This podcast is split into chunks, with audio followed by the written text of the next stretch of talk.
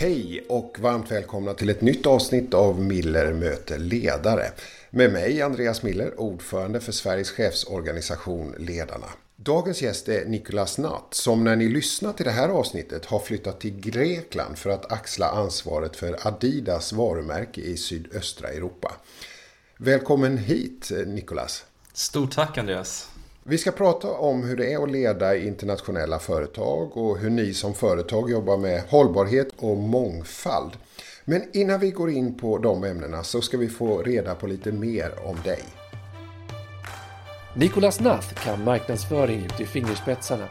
Efter studierna landade han sitt första jobb hos sprittillverkaren Absolut i New York. Där fick han allt större ansvar och när han slutade var han globalt varumärkesansvarig för Absolut. Som 31-åring startade han sin chefskarriär som chef för det nordiska marknadsteamet för Adidas-varumärket Reebok. Han inleder 2021 med flytt till Aten där han leder marknadsteamet för Adidas i sydöstra Europa.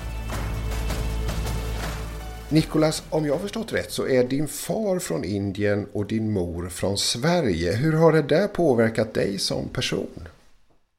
Ja, men det stämmer. Ehm, att, att växa upp med en mångkulturell bakgrund, det är extremt spännande, men det är också väldigt utmanande. Från min svenska mamma Ylvas arv så har jag verkligen lärt mig vikten av ett jämställt samhälle. Vi svenskar är väldigt duktiga, vi är driftiga, vi är framåttänkande. Och från pappa Ashoks indiska arv så har jag fått en, en rik historia utav kultur, spiritualitet, värme och väldigt sunda familjevärderingar. Hur, hur, har det där, har du kunnat para ihop det där eller har du sett slitningar i det där? Vet du vad, när jag, var, när jag var barn så såg jag mig som väldigt svensk. Tills jag eh, började utstå daglig rasism från grundskolan. Att, att bli kallad svartskalle, och hem till ditt land etc. Det tär väldigt mycket på ens självkänsla. Och det fick mig att ifrågasätta vad och vem jag faktiskt var. För i Sverige så var jag invandrare och i Indien var jag en svenne. Så samtidigt så är jag extremt tacksam över att jag fått växa upp med två kulturer. Och mina goda vänner idag heter alltifrån Alexander Kreffe till eh, Hessi Mokhtarshade. Så att, för att svara på din fråga så min identitet är nog snarare mångfacetterad och jag ser mig snarare som en världsmedborgare än något annat. Du, kan du, vad så, när du började kallas för svartskalle och invandrare och så, vad, vilken ålder var det? Det var ju när jag började ettan, så att det var vadå, sju år? Sex, sju år. Mm. Och, och, hur, och det, det, tänk er själv när man, man har en liksom väldigt så här, svensk uppväxt och mamma som är blond och grönögd och... Eh, ja, man blev ju väldigt... Först blev man förvirrad för man tänker så här, vänta nu. Och hem till ditt land, men jag, jag är ju mitt land. Jag är ju Sverige. Och sen så får man höra att man ser annorlunda ut och, eh, och inte liksom är välkommen. Och det, det är skitjobbigt och det är faktiskt... Det har påverkat mig väldigt mycket på gott och ont. Um, dels har det varit en drivkraft men också någonting som, som jag har fått uh, jobba väldigt aktivt med för att försöka behärska den, ja, det, det jag fick faktiskt genomlida i flera år. Du, det här är ju en erfarenhet som är ganska dyrköpt kan man säga, som du har. Men om, om vi skulle föra in den i det jobb du har idag, hur, hur använder du den när du leder internationella team? Jag skulle, jag för mig är gemenskaphet och eh, teamkänsla extremt viktigt och någonting som, som är ett big no-no för mig eh, när det kommer till eh, de jag arbetar med eller mitt team eller organisationen som jag är del av. Det är all form av mobbning. Och, eh, eller all form av eh, skitsnack. Där drar jag verkligen en väldigt hård linje över vad som är OK eller inte. Ehm, dels för att jag själv har fått utstå det och jag, förstår, jag vet hur, hur jobbigt det är. Ehm, och jag tycker inte att det har någon plats heller, vare sig på en arbetsplats eller, eller i ett samhälle. Hur, hur, gör du då som ledare när du märker det där? Alltså du säger du har en no-no-linje där, det är inte okej. Okay. Men hur, hur, agerar du för att, att, visa det eller vad gör du rent konkret? Ja, men jag tror att det är viktigt att utgå från sina, eh, Eh, sina värdeprinciper. Och, eh, och från ett tidigt skede, det har jag gjort i, i alla mina roller, har jag berättat för, för teamet eh, och medarbetare vad som är viktigt för mig. Eh, och vad som är viktigt för oss som ett team. Eh, och dels då att eh, eh ja, men vissa ledord för mig det är tillit. Det är att eh, e-, empower people. Eh, viktigt med eh, Eh, att ha en rak och öppen eh, dialog och kommunikation. Men också ha en stark teamkänsla. Och sen är jag faktiskt rätt öppen med vad jag har fått utstå eh, som barn. Och, eh, och verkligen påpeka att den formen utav, eh, eller all form utav liksom, skitsnack är inte okej. Okay.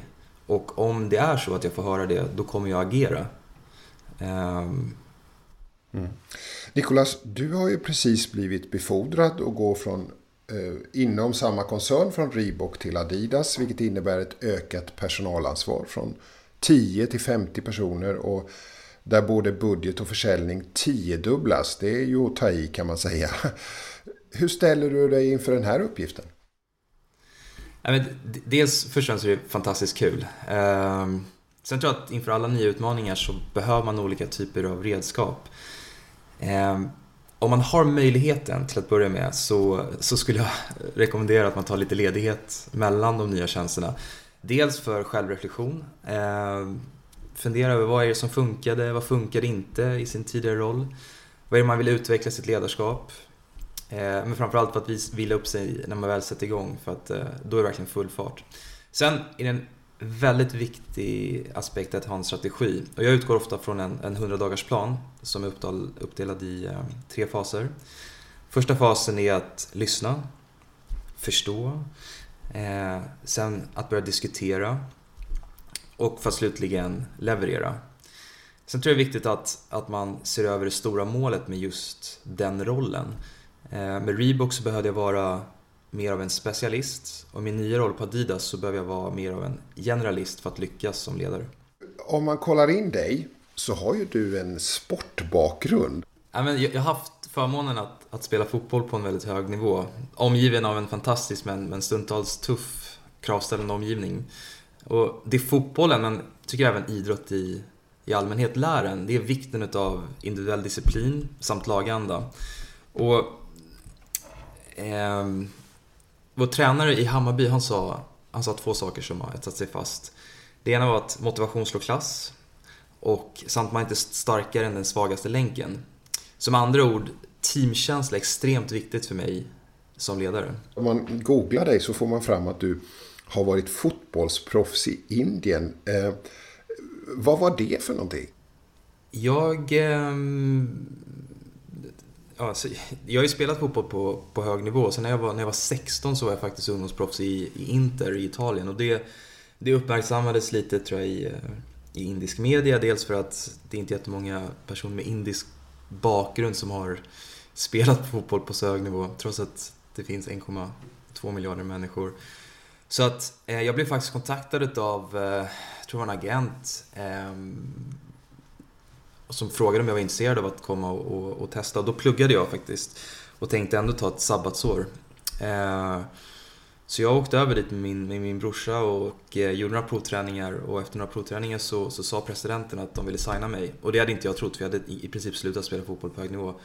Så fick min lillebror eh, låtsas, eller ja, han fick låtsas vara min agent och förhandla fram ett kontrakt. Um, och det gick bra. Så att, ehm, Ja, väldigt kul. Ja, alltså det, det intressanta med det där, jag vet inte om ni har sett filmen Sliding Door med Gwyneth Paltrow, men det handlar lite om att hinner du med tunnelbanan så utvecklas ditt liv till ett sätt och hinner du inte med den så utvecklas ditt annat. Och jag hade möjligheten att, att stanna kvar i Indien och, och fortsätta spela fotboll men jag pluggade på Handels då och eh, kände väl att, att, att en utbildning från Handels kanske var det som jag ville göra långsiktigt och det kanske det som skulle eh, öppna de dörrarna som jag, jag men, hade som mål eh, framgent. Även fast jag är väldigt tacksam över, över vad fotbollen i Indien gav mig då. Du, eh, Du, är det, här, är det här en anledning till att du håller på med sportkonfektion eh, nu så att säga? Adidas och Reebok och så. Är är det ur fotbollen det intresset har kommit eller? Ja, men jag, så här, vad som är viktigt för mig när det kommer till, eh, till karriärsval. Och jag har gjort min egna lilla modell som jag kallar för mina tre P. Och det första är passion. Jag måste ha passion för det jag gör. Och jag har en enorm passion för, för fotboll, eh, eller sport i allmänhet. Så att det faller sig väldigt väl med, med Adidas självklart. Andra, andra P är, är people. För mig är det väldigt viktigt att jobba med människor som, eh, eh som är duktiga, drivna, eh, internationella, som kan utmana mig, som jag kan ut, få utmana. Och Adidas är ju en global organisation. Eh, så det fäller väldigt, väldigt, väldigt väl ut där också. Och sen sista P är purpose. Varför går jag upp måndag morgon och är taggad på jobbet dag in och dag ut? Och, eh, syften kan ju utmynna sig på olika sätt men vi på Adidas vi har ett mantra som lyder “Through sports we have the power to change lives” Och det finns något väldigt, väldigt kraftfullt med det. Och om jag kan vara med och påverka människor att eh, leva ett eh, hälsosammare, aktivare liv och få träffa folk från alla, alla delar av samhället och bidra till det, då är det ett, ett, eh, ett viktigt purpose för mig.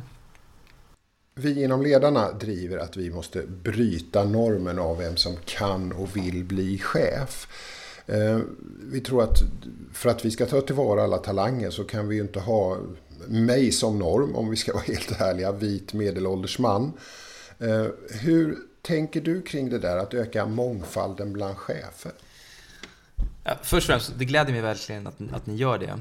Ehm, och sen, sen, tycker jag att, att Svenskt Näringsliv har en lång väg att vandra och det finns väldigt mycket mer man kan göra. Jag ska ge ett exempel. Jag åt nyligen lunch med en, en god vän till mig som driver en, en framgångsrik startup och jag frågade honom hur han jobbade med, med mångfald i sin rekrytering. Och han sa att nu i början så måste han gräva eh, där man står. Vilket jag inte alls håller med om. För att man bara står och gräver på Stureplan så kommer man få ett väldigt homogent team. Och många studier påvisar att ledningsgrupper med etnisk mångfald bidrar till ett bättre resultat. Samtidigt så förstår jag verkligen hur folk tänker. Det är mycket enklare att välja den enkla vägen, att, att välja det man känner igen och tror och tycker är tryggt. Och jag har också gjort det i rekryteringar, eh, vilket jag i efterhand ångrar, eh, men, men lärt mig av. Du, vi lever ju i en tid där vi just nu påverkas av coronapandemin men också längst upp på dagordningen står ju omställningen till ett hållbart samhälle. Vi vet att vi måste ställa om nu. Hur tänker du som marknadsförare? Hur kan du vara med och bidra till att skapa en hållbar tillväxt inom klädindustrin? Jag tycker att oavsett roll så är det extremt viktigt att aktivt jobba med dessa frågor. Och som marknadsförare så kan vi, vi kan göra väldigt mycket. Vi kan bland annat se till att det POS-materialet vi använder eh, är enbart av ett visst material. Vi kan ställa tuffare krav på byråer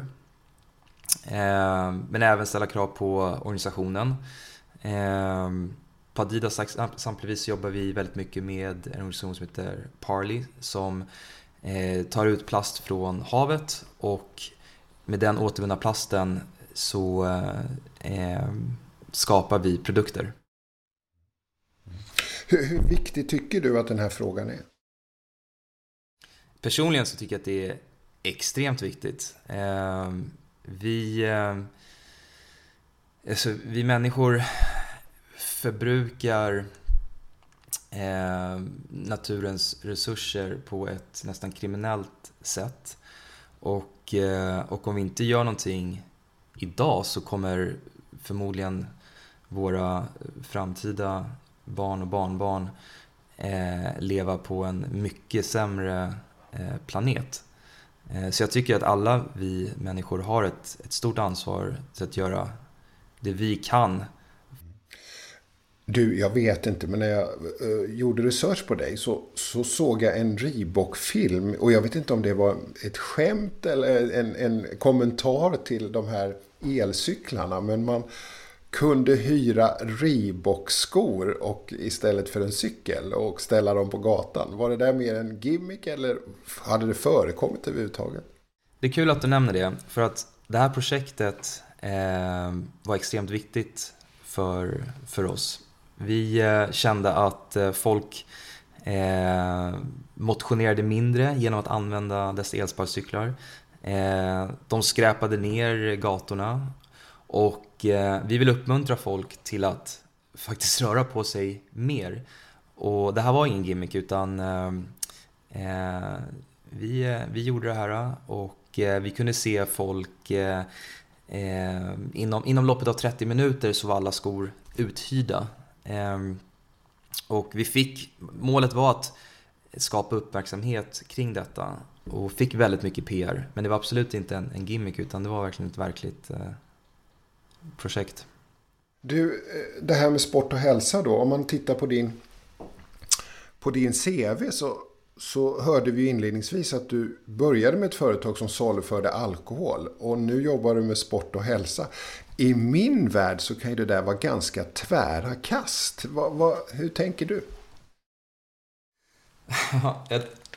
Absolut, jag, jag, tror det var bra för min lever att, uh, att lämna, absolut. Um, men, skämt åsido, så jag tror att det är viktigt att testa på olika industrier och olika företag eh, för sin egen utvecklings skull. Sen finns det faktiskt väldigt många likheter mellan Adidas, absolut. För att inom bägge produktutbuden så, så sammanför det människor. Antingen genom festliga sammanhang och sociala sammanhang eller genom idrottsliga sammanhang.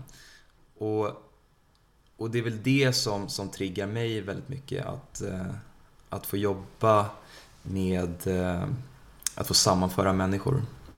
Och det här liksom, det baksidan av alkoholen och den skada som den kan göra och sådär. Hur hanterade du det när du jobbade med den? Jag har reflekterat väldigt mycket över det. För att, um, och den frågan har jag fått ofta. Jag tror att all form av uh, överkonsumtion. Oavsett om du eh, dricker för mycket Coca-Cola eller äter för mycket choklad eller kör en bil för fort. Det är inte bra. Eller dricker för mycket alkohol. Och inom Pernod Ricard så jobbade vi väldigt aktivt med eh, att eh, belysa eh, frågor som berör alkoholism. Ehm, men just det faktum att jag själv dricker ibland i sociala eh, tillställningar så, så kände jag att det var det är någonting som jag kan stå för. Dock så skulle jag ha väldigt svårt för att eh, jobba med eh, eh, vet du, nikotinprodukter. Jag röker inte själv jag, jag ser liksom ingen, ingen stor vinning av att ens ta ett eh, cigarettblås eh, för sin hälsas skull. Men att ta ett glas vin eh, till en middag eh, tycker jag är okej. Okay. Nikolas, du har ju lett Eh, globala team, eller du leder globala team. Hur skulle du säga, hur skiljer det sig att sitta i London jämfört med Aten eller New York? Ja, det är rätt stora skillnader. Och, ehm, men jag skulle vilja säga till alla dina lyssnare att jag unnar alla er att, att få testa på att jobba utomlands. Ehm, det är faktiskt under mina år i New York och London som jag utvecklats som mest. Och sen att testa på olika företagskulturer. Svensk med Absolut, fransk med Pernod Ricard, amerikansk med Reebok eh, och tysk med Adidas. Men i korta drag så är New York, det handlar bara om hard work och, och strive for greatness. Det ställs tuffare krav. Jag märkte tidigt att skillnaden eh, från Sverige så är det mycket rakare rör och om man inte hängde med i tempot så blev man väldigt snabbt eh, omkullsprungen. Eh, samtidigt så funkar inte den approachen i London. Där är det ännu viktigare att representera eh, och respektera olika kulturskillnader. Medan i Sverige så är förankring och eh, emotionellt ledarskap väldigt viktigt. Nikolas, vi börjar komma mot slutet av den här podden. Jag skulle vilja fråga dig så här. Med din globala erfarenhet, vad är ditt framgångsrecept till de chefer och ledare som arbetar med internationella team? Jag skulle säga att det absolut viktigaste är att göra hemläxan utav de olika kulturerna som, som man jobbar med. Och även sen förmå ditt team att förstå de skillnaderna inom gruppen. För om du hanterar det rätt så är det just de här skillnaderna som kommer göra dig till en framgångsrik ledare över förhoppningsvis ett, ett lyckligt och framgångsrikt team. Niklas Natt, väldigt roligt att du var med i podden Miller möter ledare. Stort tack och eh, stort lycka till i Aten. Stort tack. Jättekul att få vara med. Och tack du som lyssnade. Eh, håll öron och ögon öppna så kommer det nya avsnitt av podden Miller möter ledare.